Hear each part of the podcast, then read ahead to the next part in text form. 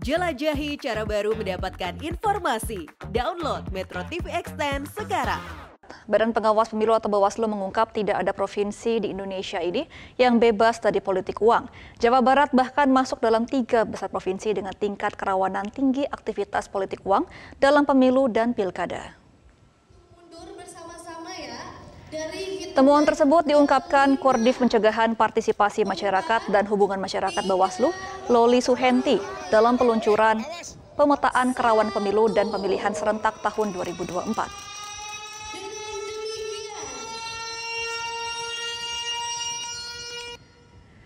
Bawaslu menemukan ada lima provinsi dengan tingkat kerawanan tertinggi yakni Maluku Utara, Lampung, Jawa Barat, Banten, dan Sulawesi Utara.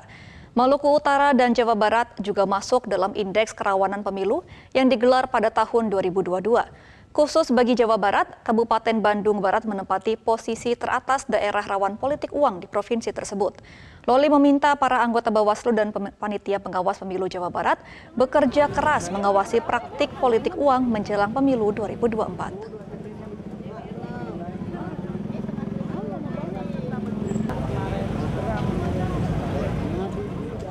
Barat kalau lihat empat dimensi kemarin pun Jawa Barat itu rawan tinggi. Nah ternyata begitu di, di breakdown untuk isu politik uang juga ternyata masih masuk dalam lima provinsi yang rawan tinggi kan. Sehingga ini perlu menjadi perhatian semua pihak, tidak hanya Bawaslu, tapi juga pemerintah daerah ya, seluruh pihak termasuk partai politik supaya menjaga memastikan 2024 kita tidak tinggi angka penanganan pelanggaran politik uangnya.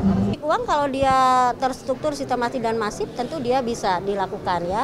Jadi ada di pasal 285, 285 Undang-Undang 7 2017 sanksi administrasinya itu pembatalan.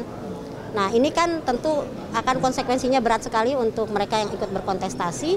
Maka sejak awal Bawaslu gandong partai politik untuk sama-sama menghentikan atau tidak